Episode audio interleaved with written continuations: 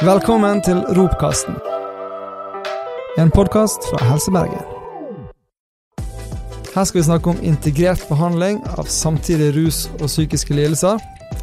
Mitt navn er Roger Atle Wæle Kårstad. Jeg er psykologspesialist og leder av ROP-forløpet i Helse Bergen. Jeg skal sikre et eh, solid og interessant faglig nivå. Mitt navn er Marius Fimland. Jeg er produsent og skal sikre et eh, forståelig og folkelig språk. Og så har vi med oss masse dyktige fagfolk. Velkommen, Emma Jones. Eh, psykologspesialist i ROP-enheten. Eh, I dag skal vi snakke om ROP-forløpet. Eh, og så har vi med oss Marius, som òg da skal være med og hjelpe oss sånn, sånn at det vi forklarer, faktisk er forståelig. For det er ikke så helt intuitivt og lett å skjønne hva et ROP-forløp er. Når trenger man det? Hvem skal inn? Hvordan avslutter man det? Hva er det for noe, egentlig? Så Emma, Ja. hva er et ROP-forløp i Helse Bergen? Et ROP-forløp i Helse Bergen er en, eh, et viktig tiltak for å tilby mest mulig integrert behandling for de pasientene som har samtidig psykisk lidelse og rusproblematikk, eller ruslidelse. Måten Helse Bergen er organisert på, kort fortalt at vi har en divisjon for psykisk helse, der vi har DPS-ene, vi har såkalte FACT-team, vi har eh, psykiatrisk klinikk, som de fleste kjenner som Sandviken sykehus, vi har sikkerhetsavdelingen, alt dette ligger under divisjon psykisk helse. Og så har vi avdeling for rusmedisin, som også er i Helse og som tilbyr både poliklinisk behandling og også institusjonsbehandling for pasienter med ruslidelser. Fordi at vi er organisert i to ulike divisjoner, eller avdelinger hvis vi skal kalle det så gjør det ofte at samarbeidet rundt pasienter som har samtidig ruslidelse og psykisk lidelse, kan bli krevende. Og ROP-forløpet er en måte å sikre at denne belastningen, hvis vi kan kalle det det, ved at vi har to ulike instanser inne, blir liggende på spesialisthelsetjenesten og ikke pasienten. Så ROP-forløpet er en måte å samordne tjenestene på og tilby mest mulig integrert behandling for de pasientene som trenger det. Um, en måte, en viktig, et viktig hjelpemiddel i den forbindelse er ROP-avklaringsmøte. Så hvis en sitter som behandler i spesialisthelsetjenesten i psykisk helse, og ser at denne pasienten også trenger tilbud fra avdeling for rusmedisin, så skal man kalle inn til det vi kaller et ROP-avklaringsmøte. På ROP-avklaringsmøte så kan man kalle inn andre aktuelle samarbeidspartnere, selvfølgelig pasienten, men også da fastlege, Nav, kanskje ruskonsulenter i kommunen eller tilsvarende. Og poenget med møtet er å sette seg ned sammen og se hvordan kan vi tilby denne pasienten mest mulig integrert behandling på en koordinert måte, og at belastningen ved at det er flere instanser inne, er det spesialisthelsetjenesten og kommunen og andre som skal bære, og som sagt da ikke pasienten. Ga det mening? Marius? Det er min jobb å svare på. Det er det man gjør. ja, men, men er, altså forløp, er det, er det lineært? Er det sånn at du starter med det møtet, og så skal du gjennom post A, B, C, D, og så kommer du ut på hi-sida, eller hvordan fungerer et sånt forløp i praksis? Hvor lenge er du i et forløp? Ja. Og her kommer jo de store kontrastene mellom somatisk helsevesen og psykisk helsevern. For i somatikken så er det jo ofte mer lineært, selv om jeg har lært med tiden at det er ikke så enkelt og lineært som det kanskje kan virke fra utsiden, så er det ofte mer komplekst når det gjelder psykisk helsevern. Så hvis psykiatri er en god klem, så er jo somatikk et plaster, stemmer ikke det? Psykiatrien behandler psykiske sår, og somatikk er fysiske plager, kan det stemme? Ja. På et enkelt, eh, oversiktlig plan så tenker jeg at det kan være en metafor. Ja. Eller kanskje ikke en god klem. Kanskje en trygg havn. Omsorg. Omsorg. Sant. Det, nå, nå tråkker du i et bed her, holdt jeg på å si. Farlig farvann. Er Tverrfaglig spesialitet rusbehandling er jo ikke et uh, gammelt felt. Det er ikke lenge siden måte, de fikk pasientrettigheter. 2004, var det vel? Sant? Mm. Og eh, Vi vet jo at det tar lang tid før ny kunnskap og før det er ferdig implementert og godt innarbeida. Så det å snakke om omsorg, så vil jo man tråkke litt inn på en måte det som ble omtalt som rusfeltet før. Da var det rusomsorg. Mm. Mens når det er blitt en spesialist, eh, Mm. og det er pasienter, så har de pasientrettigheter. Så man er litt sånn opptatt i det feltet av å snakke om pasientrettigheter og pasienter. Ikke omtale liksom som klienter eller Mm. Andre ting, Mm. som man kanskje andre plasser ville vært veldig naturlig. Ofte så er i hvert fall denne pasientgruppen som har samtidig ruslidelse og psykisk lidelse, de vil ofte trenge behandling og støtte over lengre tid, og det vil ofte være ulike faser. Så det blir ikke sånn at det blir ikke så enkelt og oppdelt som det ofte kan virke, i hvert fall i, i, i somatisk helsevesen, for eksempel at innen den og den datoen skal den og den testen være gjort, videre.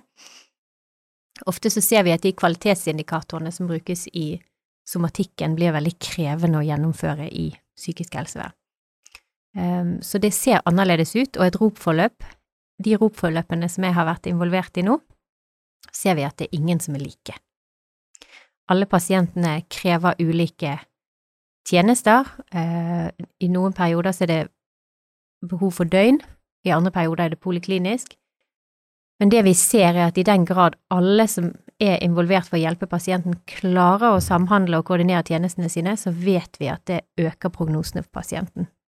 Og poenget her er jo at pasientene skal leve et mest mulig meningsfullt liv, eh, og i, i den forbindelse så blir det ofte mer langvarige tjenester. Eh, så noen forløp kan være kortere, kanskje ikke det behov for divisjon psykisk helse i så stor grad etter en viss periode. Eh, andre ganger så blir det aktuelt å koble de på igjen. Men poenget med et ropforløp er at i det øyeblikk det er etablert et ropforløp, så er det sånn at de partene som er involvert, også må være enige om når er det ikke lenger behov for et ropforløp. Så det vil si at den ene instansen kan ikke trekke seg ut uten at dette er drøftet i dette forumet. Så det sikrer jo samarbeidet og også kontinuiteten for pasienten. Så vil jeg skyte inn av det med at eh, en del av de som ROP-pasientene har gjerne problemer som man kanskje kan betegne som eh, kroniske eller tilbakevendende. At de har en sårbarhet som gjør at selv om de kan ha perioder der de ikke har så mye symptomer eller plager, så har de en sårbarhet som at når de møter utfordringer, så får de fort eh, alvorlige plager. Både enten i form av ruslidelse eller psykisk lidelse. Eh, og da er liksom hensikten med ROP-forløpet at da skal de få raskt hjelp, sånn at man ikke skal få den her eh, Man skal bli sendt henvisning, så skal det bli vurdert der, og så er krisen på en måte i full fyr og flamme. Ja. Så det ideelle ROP-forløpet, hvor det ikke er per tid eh, behov for eksempel syk, divisjon psykisk helse, FACT eller DPS, så ideelle er at de er inne på systemnivå, eh, sånn at pasienten raskt får tilgang på tjenesten igjen hvis de skulle få tilbakefall eller trenge mer fra, fra psykisk helsevern. Så vil jeg også skyte inn at en ting som kanskje skiller seg litt fra somatikk, eh, er jo relasjon. Du trenger ikke nødvendigvis ha en veldig god relasjon til en kirurg som skal inn og operere for at han skal kunne gjøre en god jobb. Men skal en eh, behandler i psykisk helsevern eller i tverrfaglig spesialisert rusbehandling gjøre en god jobb, så er man helt avhengig av en god relasjon. Og det er litt av utfordringen når man da skal ha pasienter som kan ha behov for akutt hjelp, eller møte da pe- pe- personer i akutte faser som man ikke har relasjoner til. Vi vet jo at mange av pasientene med eksempel psykoselidelser, det er en stor andel der, og også blant pasienter med ruslidelser, så det er en stor andel som har opplevd traumer. Eh, Og for noen av de så blir den diskontinuiteten som vi av og til, eller ganske ofte, kan oppleve i spesialisthelsetjenesten og andre hjelpetjenester, så kan den også bli traumatisk for noen av pasientene. Så det er viktig at vi tenker langsiktig, eh, og at vi forsøker så godt vi kan å representere en kontinuitet i de som skal hjelpe pasienten. Og de pasientene som har opplevd traumer og har de utfordringene, har gjerne òg utfordringer i forhold til å stole på andre eller bygge relasjoner. Og Det vil jo si, det er jo det litt av paradokset, at det er de som da, når de skal møte helseapparatet og få tjenester, så er det rigget på en måte sånn at man må møte mest mulig nye relasjoner, og gjerne kanskje i de mest krevende fasene i sykdomsforløpet. Jeg vet ikke om ROP-forløpet alltid kan fikse på alt det, men det er i hvert fall en viktig intensjon, og det er jo òg en veldig sånn sterk intensjon i ROP-veilederen. Mm. Relasjoner er viktig, og da skal man tilrettelegge for at pasienter kan få bygge det, og at eh, tilbud og tjenester skal bygges opp rundt relasjonene. Så i møte med all den utryggheten som både psykiske lidelser og ruslidelser medfører, så trenger de en trygghet i møte med spesialisthelsetjenesten og andre, og den tryggheten er avhengig av at det er en kontinuitet i de de møter. Så det er et veldig, veldig viktig poeng, at vi gjør det vi kan for å sikre det for pasienten. Hvem er det som avgjør når eh, forløpet er ferdig, da? Det er jo som sagt et samarbeidsprosjekt i ROP-forløpet. sant? Det må drøftes eh, innad i denne gruppen som møtes, og sammen med pasienten. Hva er eh, Den gjengse pasient, er han eller hun lei seg for at forløpet er over? Er det tap for deg at det på en måte er ute av den trygge omfavningen, eller, eller er de fornøyd med det når de er ferdig, eller hvordan er det? Det kommer helt an på pasienten. Alle pasienter er jo ulike og unike. Og det samarbeidet som skjer rundt. Og viktigheten av at den avslutningen av et ROP-forløp gjøres på en grundig måte, og at pasienten får medvirke til det. Så i den grad det oppleves forutsigbart for pasienten, så vil jeg tro at, eh, at det kan være en, en grei prosess for, også for pasienten. Å se at nå trenger jeg ikke tjenester fra alle disse menneskene rundt bordet, og kanskje er det bare behov for oppfølging ved kommunen, men også en trygghet at jeg kan ta kontakt igjen, skulle jeg få behov. Jeg tror spiller, jeg tenker at, eh, som er en, et litt sånn paradoks, at eh, det er jo ikke alltid at pasienter eh, møter opp eller oppsøker helsevesenet når de har mest behov for det, når man har rus og psykiske plager eller lidelser. Eh, og det er vel, jeg vil tenke at hvis, hvis en pasient opplever at nå går, har livet mitt, eh, nå er det godt, nå har jeg god mening, så er jo det ingen problem at ROP-forløpet trekker seg ut, eller at man ikke har behov for hjelp i spesialisthelsetjenesten. Jeg tror de aller fleste vil jo ikke ønske å ha behov for det. Men jeg tror at hvis det er motsatt, at man egentlig opplever at ting ganske, er ganske vanskelig, jeg har mye plager, og så i tillegg opplever man da på en måte at spesialisthelsetjenesten sier at vi kan ikke hjelpe deg. Du, du greier ikke å møte opp til de timene du får tildelt. Du får nye regninger for at du ikke greier å betale de timene. Eh, og, og nå må du jobbe en annen plass med noen andre som ikke kjenner så godt. Så tror jeg måte at man opplever at et ROP-forløp kan være en god trygghet, at da er man med, da er man inkludert til å få en hjelp. Og ikke minst at man får en oversikt over hvem er det som skal hjelpe med de ulike tingene. Mm. Kan, kan, du si litt, Emma, litt om det her med ROP-avklaringsmøte, og litt sånn erfaring? For det vet jeg iallfall at sånn historisk sett i forhold til ROP-forløp, så har, har, det vært en av de tingene som, når man møttes og skulle bli enige om hvem er det som skal ha ansvaret, hvem er det som skal følge opp pasienten videre, Mm. der, der var det en del gnisninger, og det har det, har det vært. Hvordan, kan du si litt om hvordan det er nå, og hva, hva som har vært gode tiltak for å Ja, altså nå er det jo laget en mal for ropeavklaringsmøtet, som forhåpentligvis, og som vi har så langt har fått tilbakemeldinger på, har vært avklarende for spesialisthelsetjenesten, altså både de, de behandlerne som hører til eh, divisjon psykisk helse, og de som hører til avdeling for rusmedisin, har nok opplevd malen som litt for, mer forklarende og setter en struktur og en forutsigbarhet for møtet, der hensikten er ganske tydelig formulert. Og så er det jo Tidligere så har det vært eh, gitt tilbakemeldinger på at disse møtene, i den grad de har vært avholdt, har båret preg av et sånt svarteperspill. Der eh, i stedet for å komme inn i møtet, at hver eh, representant har en sånn klar holdning om at her skal vi sammen klare å lage et godt integrert behandlingsforløp for pasienten, i stedet har, har, eh, har sittet med type hendene under bordet og tenkt at eh, her får noen andre ta ansvar. Dette blir for krevende for min avdeling, eller vi kan ikke bidra, så, så tror jeg at den malen og det økte fokuset på ropavklaringsmøter og ROP-forløpet har bidratt til at det er en dreining eller en holdningsendring i spesialisthelsetjenesten på at dette er noe vi skal løse sammen, og vi har et felles ansvar, uavhengig av om vi sitter i psykisk helsevern eller i avdeling for rusmedisin. Så det håper jeg virkelig at de tilbakemeldingene vi har fått, og de møtene vi har deltatt på som representant av Europaenheten, eh, er representative da, for en endring og en holdningsendring og en praksisendring i feltet. For vi vil jo tenke at Noen ganger så er det jo klart at, at man, henvisningene har ikke fått helt riktig adresse, at, eller at det har kommet fram ting som gjør på en måte at det er kanskje et rusproblem som er mer eh, påtrengende, eller er en psykisk lidelse som eh, er en sånn alvorlighetsgrad at det krever oppfølging i psykisk helsevern, må det lovverket se der, og må de spesialistene se der. Eh, og da, jo, da, kan man bruke ROP-forløpet som en måte å få sikre rask overføring. Ja. Eh, at man da slipper å skulle sende en avvisning og en ny henvisning og sånn, men at man nå kan koble på raskt. For, for det er jo på en måte Ropveilederen òg veldig tydelig på, at pasienten skal ikke lide under det at man er organisert som man er, eller på en måte at henvisningen kom feil. Ja, Det er det som er særlig bra med ROP-avklaringsmøtet og ROP-forløpet, at det, en, det, ligger en forpliktelse her. Eh, en gjensidig forpliktelse hos alle partene i spesialisthelsetjenesten. Det er også satt en frist på at i det øyeblikket man kalles inn til et ROP-avklaringsmøte, så er det en ti dagers frist. Så det betyr at divisjon psykisk helse eller avdeling for rusmedisin må stille på dette møtet på relativt kort frist.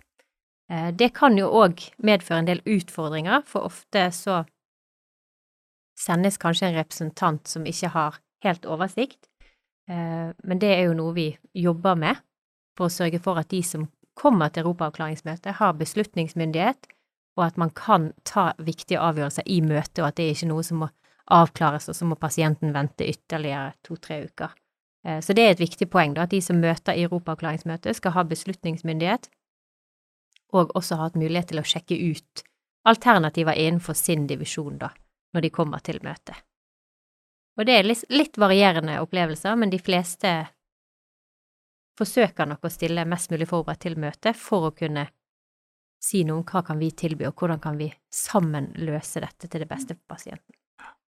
Og det er jo selvfølgelig at Man skal ikke føle seg som en gissel på en måte om at man må, må tilby tjenester, men, men, det er jo litt viktig at den som møter opp i, i ROP-avklaringsmøtet, har muligheten til å gjøre vurderinger de tjenestene man kan tilby, og, og ja. ikke måtte si at nei, det må noen andre ta en avgjørelse på. Og det er jo viktig, for dette er pasienter som eh, veldig ofte faller mellom to stoler, og det vet vi, det er flere tilsynsrapporter på dette, og vi har et, vi har et felles ansvar, uavhengig av om vi sitter på et DPS eller sitter i en poliklinikk i avdeling for rusmedisin eller sitter på en døgninstitusjon. Vi har et felles ansvar for å tilby mest mulig integrert behandling av samtidig ruslidelse og psykisk lidelse. Så det ansvaret skal vi være oss bevisst, eh, og vi skal løse dette på en mest mulig koordinert og sam, samordnet måte til det beste for pasienten. For noen pasienter eh, de har jo altså, både ruslidelser og psykiske lidelser, så, og så kan jo de på en måte variere litt sånn når er det på en måte rusproblemene er de mest framtredende, og når de psykiske plagene er mest framtredende. Eh, og det gjør jo det på en måte at det blir kanskje vanskelig å si om den høres best hjemme der eller der, for det kan kanskje være ulike faser de hører. Best hjemme. Eh, kan du si noe om hvordan man i et ropavklaringsmøte eller et ropforløp kan få gode planer for å få tjenestene til å være klare til å tilby når pasienten trenger det? Altså, vi har jo litt ulike erfaringer med det, og, og det som vi ser, er jo evnen til å være fleksibel.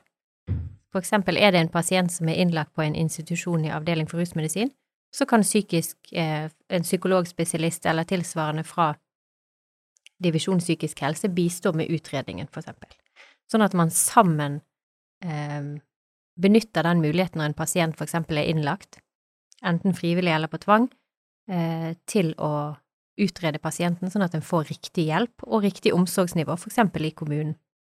Vi vet jo at det med bolig er et tilbakevendende tema for denne pasientgruppen, og her er det viktig at eh, kommunen er involvert, eh, og at det jobbes kontinuerlig, for god behandling er god bolig.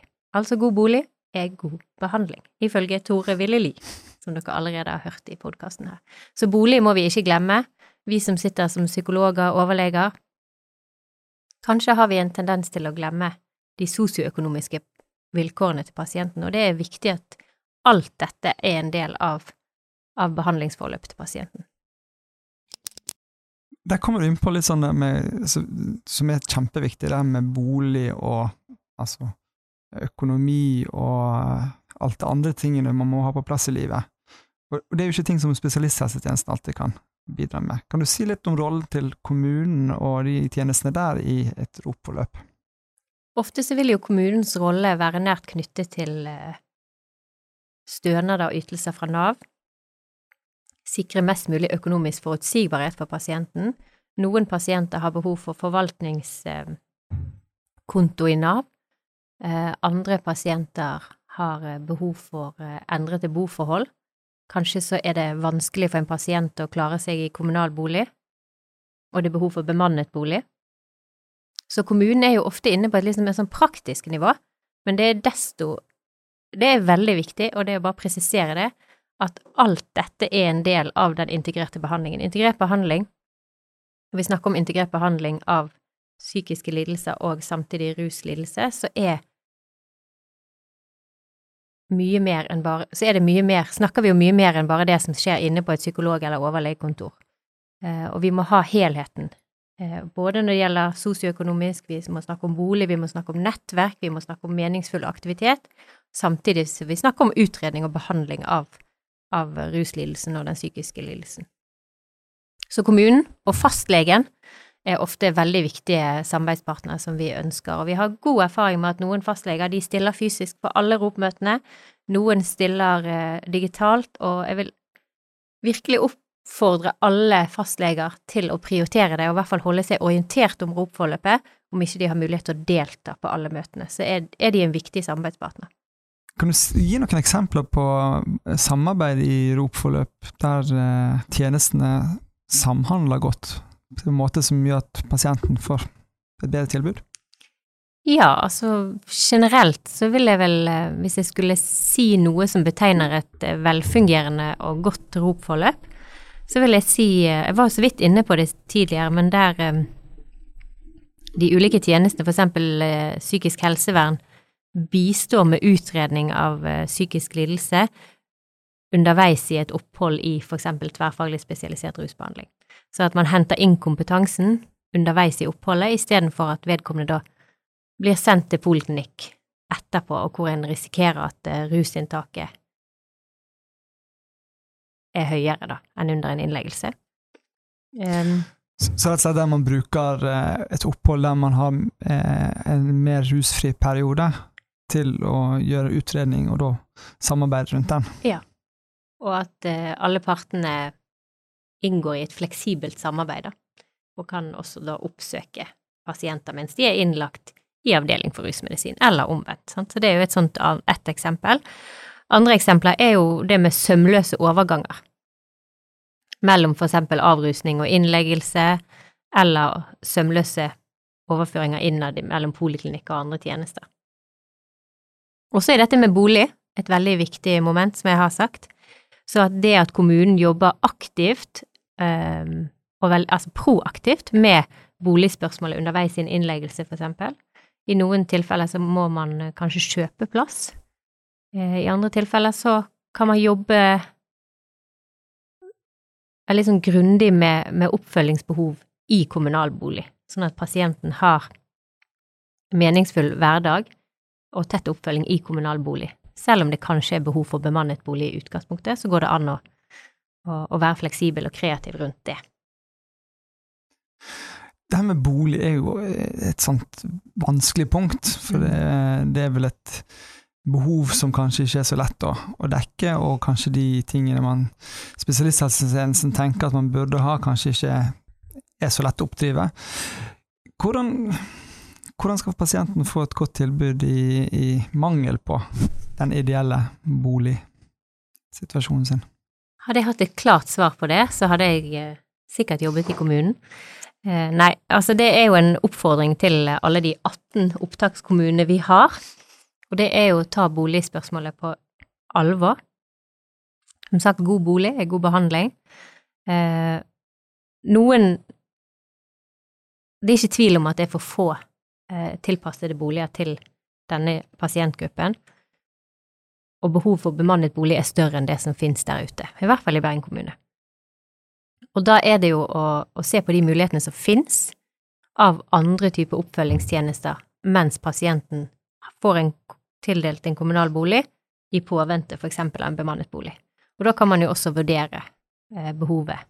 Kanskje er det, fungerer det såpass godt i en kommunal bolig med tett oppfølging at det ikke er behov for bemannet bolig.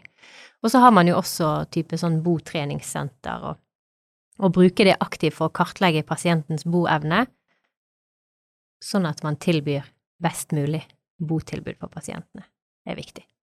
Men det er et eh, kapasitetsspørsmål, men jeg håper at vi, alle vi som er involvert i ROP-forløpet og arbeid rundt eh, denne pasientgruppen, våger å være kreative og fleksible og finne gode løsninger som kanskje ikke nødvendigvis er rett fremfor oss, som vi må leite litt etter, sammen med pasienten. Nå har vi snakka mest om ROP-forløpet, og ikke så mye om ROP-enheten, så jeg vet ikke helt om vi skal inn på den eh, Men den, det, det, er i hvert fall en ting som henger sammen med, med ROP-forløpet, og de pasientene som er der, kan gjerne òg være i målgruppen for ROP-enheten. Uh, og der, der, skal man ha drivet den, den modellen som kompleks rehabilitering har, i forhold til overføring til, til, bolig. Og de legger jo veldig vekt på at skal rehabiliteringen fungere, så er man helt avhengig av at man har den boligen å øve og, og jobbe med. Uh, så det Ja, jeg vet ikke om du vil si noe om det, Emma, om hvordan man tenker på ropenheten akkurat rundt. Altså det som har vært veldig tydelig for oss i eh, etableringen av ROP-enheten, er jo viktigheten av et forpliktende samarbeid rundt pasientene når de henvises til ROP-enheten underveis i oppholdet, og særlig mot utskrivelse. Men at vi har et tydelig mål om å inngå et forpliktende samarbeid med alle samarbeidspartnerne ved henvisning allerede, sånn at det jobbes aktivt med boligspørsmål og andre aktuelle temaer underveis i oppholdet. Så det er jo en god mulighet, som du beskriver den KRS-modellen for utskrivelse, så er det en god mulighet for å få gradvise overganger. Ut i bolig, trene i bolig, at boligpersonalet kommer inn og blir godt kjent med pasienten under innleggelse. Og igjen da at overgangene, som vi vet er så sårbare for mange pasienter, at de blir tryggest mulig og sikrer best mulig utskrivelse. Ja, det er jo de her overgangene som er veldig sårbare og vanskelige. Det er jo det at altså, pasienter skal um, bli kjent med nye og, og få nye, nye folk rundt seg. Og så er det òg det her med at med, med rus, at det er lett å ha man holdt seg rusfri, så har man ikke den samme toleransen som man hadde før. Så overdosefaren òg er jo ofte stor. Mm. Så det er nok en risiko i de her overgangene. Så det å bruke god tid på det, og, og det er jo der man også ser at eh, det å holde seg rusfri i en døgnavdeling er ikke det som er, det som er utfordrende, men det er det å holde seg rusfri i livet ute. Yeah. For de som har mål om å bli rusfri. Eller best mulig rusmestring, i hvert fall. Mm. Absolutt. Eh, og her må vi som eh, spesialisthelsetjeneste og alle andre involverte samarbeidspartnere være grundige i å sikre gradvise overganger og sømløse overganger for at det skal bli tryggest mulig for pasienten og de pårørende rundt pasienten. Nå har vi snakka godt om ROP-forløp, og vi, vi, har vel kanskje lagt fram at det er en god ting. Finnes det noen ganger der ROP-forløpet er en dårlig ting eller en unødig ting? Noen ganger så, når noe nytt kommer på agendaen, eller noe vekkes til live igjen, som ROP-forløpet har jo eksistert lenge, men de siste to årene har jo det vært økt oppmerksomhet på det eh, i spesialisthelsetjenesten, og målet er jo å tilby pasientene integrert behandling for både sin ruslidelse og sin alvorlige psykiske lidelse på samme sted. Og som nevnt så er vi organisert på en måte i helseveien som gjør at dette kan være utfordrende, og da skal ROP-forløpet kompensere for dette. I noen tilfeller så vil det kunne misforstås på en sånn måte at ROP-forløp må etableres, men i den grad eh, en behandler eller et team i enten da psykisk helsevern eller avdeling for rusmedisin har kompetansen til å tilby det, så er jo det vi ønsker. Det er jo det som er gullstandarden for pasienten. Så i så tilfelle så må vi være bevisst på at ROP-forløpet er et kompenserende tiltak. Det er ikke et mål i seg sjøl. Nei, for målet er integrert behandling, eh, og at det skal være en oversiktlig og godt koordinert tilbud til pasienten som Og fortrinnsvis fra samme team, eller samme behandler, da, ja. på ett sted. Og noen team har jo da, sånn som ACT-team og FACT-team, så vil jo de ofte både bestå av kommune og spesialisthelsetjenesten innenfor psykisk helsevern, men og, og tverrfaglig spesialisert rusbehandling, eller Mm. personer med god ruskompetanse. Mm. Så det er jo et godt eksempel på der man ville kunne gi integrert behandling Ja. innen et team. Ja, Absolutt.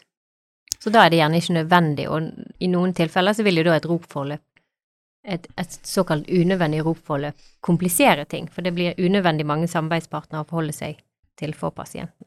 Ja, for det er jo, Vi må ikke glemme pasienten oppi det her. at Det, det er jo viktig for pasienten at de har en forståelse av hvem som skal hjelpe med, med hva. Mm. Eh, kan du si noe om hvordan er det man kan sikre denne måten og få en oversikt over hvilke tiltak og hvem som er hjelpere? Der har jo du eh, en stor eh, Ja, hva skal man si? Eh, individuell plan er jo noe som du er veldig opptatt av, Roger Atle. Nå prøvde jeg å legge det opp som at det skulle komme fra deg, men ja, det skinner gjennom at det er en av mine Det er en av dine kjepphester. kjepphester. Ja. Så der er nok sikkert du den beste til å, å si noe mer om det. Men eh, Hva er det jeg pleier er- å si dere, Emma?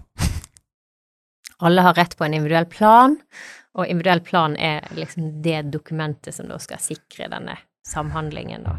Og et viktig dokument for pasienten nettopp. For det er jo tross alt de som er i sentrum av behandlingen.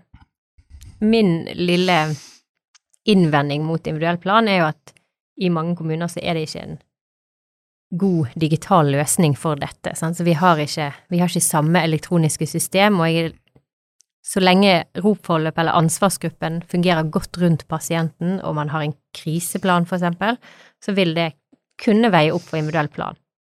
Men det ideelle hadde jo vært at vi hadde hatt en digital plattform som både kommunen, eh, alle de 18 kommunene og spesialisthelsetjenesten og andre kunne være med og redigere og oppdatere. For hvis individuell plan ikke er et dynamisk og levende dokument, så er det jo ikke verdt så mye.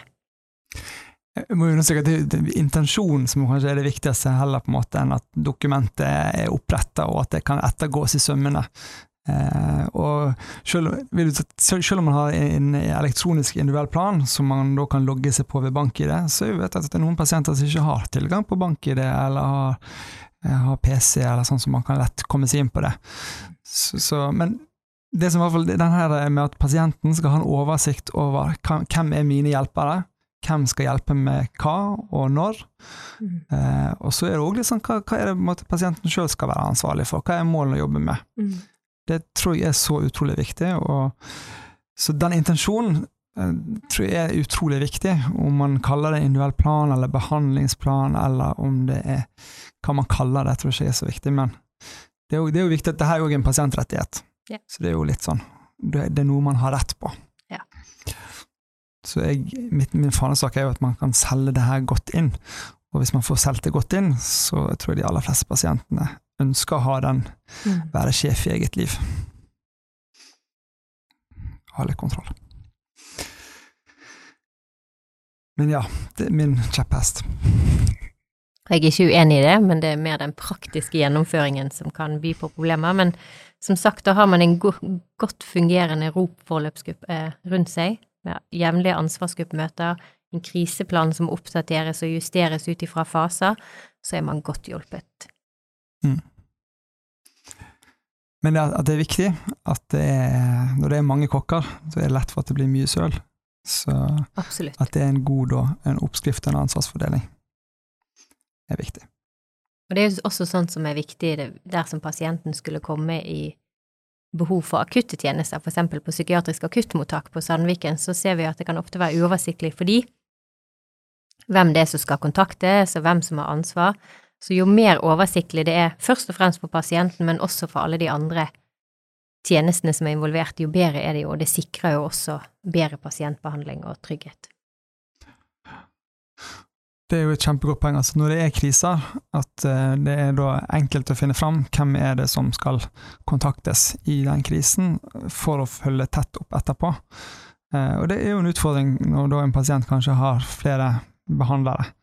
Altså når man har behandla både i psykisk helsevern og tverrfaglig spesialisert rusbehandling, så kan det være vanskelig å vite hvem er det som er den som skal ha den eh, kontakten rett etterpå. Nevnte så vidt pårørende i sted, og vi har god erfaring med å involvere pårørende i disse ROP-forløpene òg, dersom pasienten ønsker det. Så det, det tenker jeg òg er viktig, for det er jo ofte pårørende som trår til når tjenestene våre skriver ut pasienten, så er det jo ofte pårørende som enten tilbyr bolig eller eh, blir stående med ansvaret. Så det er jo en viktig, viktig ting å ha med seg. Pårørende og kjempeviktig ressurs. Eh, og, og, kommunene de, de, de, pleier ofte, når jeg eh, har eh, samarbeid i, i nettverkene, ROP-nettverket som opererer, så pleier de ofte å si at det er jo de som de kan ikke trekke seg ut, sånn som spesialisthelsetjenesten kan. Litt sånn er det med familie og pårørende òg. De er jo der alltid, og de er òg en kjempeviktig ressurs mm. som man må, må, spille gode. Og ta vare på. Ikke minst. Mm. Så det er vi jo opptatt på ROP, av på ROP-enheten, at vi skal sikre et tilbud også til de pårørende, enten gjennom sånne type temakvelder eller pårørendesamtaler. Så det er noe som er, som er viktig for oss, for vi vet at det er mange pårørende der ute som ikke føler seg sett, av hjelpeapparatet og den belastningen som de står i, men også den ressursen som de kan være for pasienten. Så det er et viktig, veldig viktig moment.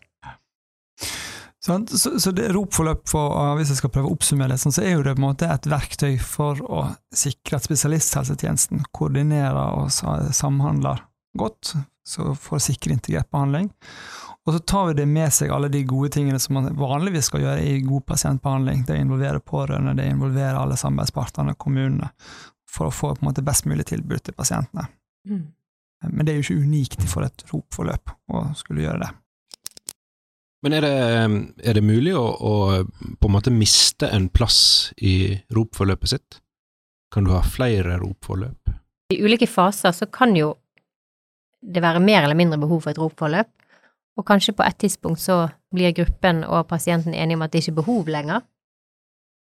Men så kan det behovet melde seg et år seinere.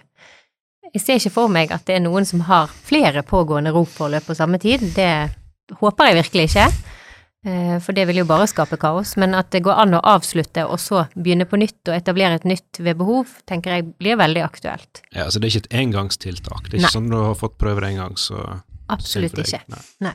Og ikke sånn skal jeg ferdig på et visst antall dager og måneder, og så er man ferdig. Og noen ganger kan det jo også være aktuelt at f.eks. Eh, Avdeling for rusmedisin er inne og bare veileder psykisk helsevern uten at de treffer pasienten. Så det, det er mange former et sånt ropforløp kan ha. Noen ganger vil det være aktivt inn mot pasienten, og andre ganger vil det være mer i kulissene. Så her er, må vi være fleksible og kreative til pasientenes beste det er, jo, det er jo i hvert fall litt det altså at de pasientene som eh, har utfordringer som ikke så lett lar seg hjelpe innenfor de normale, enkle polikliniske eller sånn settingene, så er det at da trenger de på en måte litt sånn smøring i systemet for at ting skal gå, ting skal fungere godt. Så det er vel litt sånn, hvis man skal bruke en sånn metafor, at ROP-forløpet skal være en litt sånn smørning i et system for at pasienten skal få best mulig behandling. Og så må vi litt vekk fra, jeg vet ikke om Tore Willy brukte den metaforen i, i sin episode, men jeg snakket litt om det å ikke være så redd for å tråkke i hverandres bed, og det å ikke være så opptatt av vårt eget bed og at her er mitt ansvar i dette bedet, så vil jeg slå et slag for at eh, god pasientbehandling er en felles parsell, der vi alle trår til og, og bistår for god vekstmuligheter. For de som bor på landet, så er en parsell en sånn tildelt hage, ikke? Ja. For de som bor i byen og ikke har hage. ja. Det er vel et fint bilde. Altså, et dropforløp er jo i utgangspunktet noe jeg skulle ønske at ingen trengte, men for noen så er det har de problemer som, som krever god smøring mellom tjenester. Takk for nå, Emma. Takk.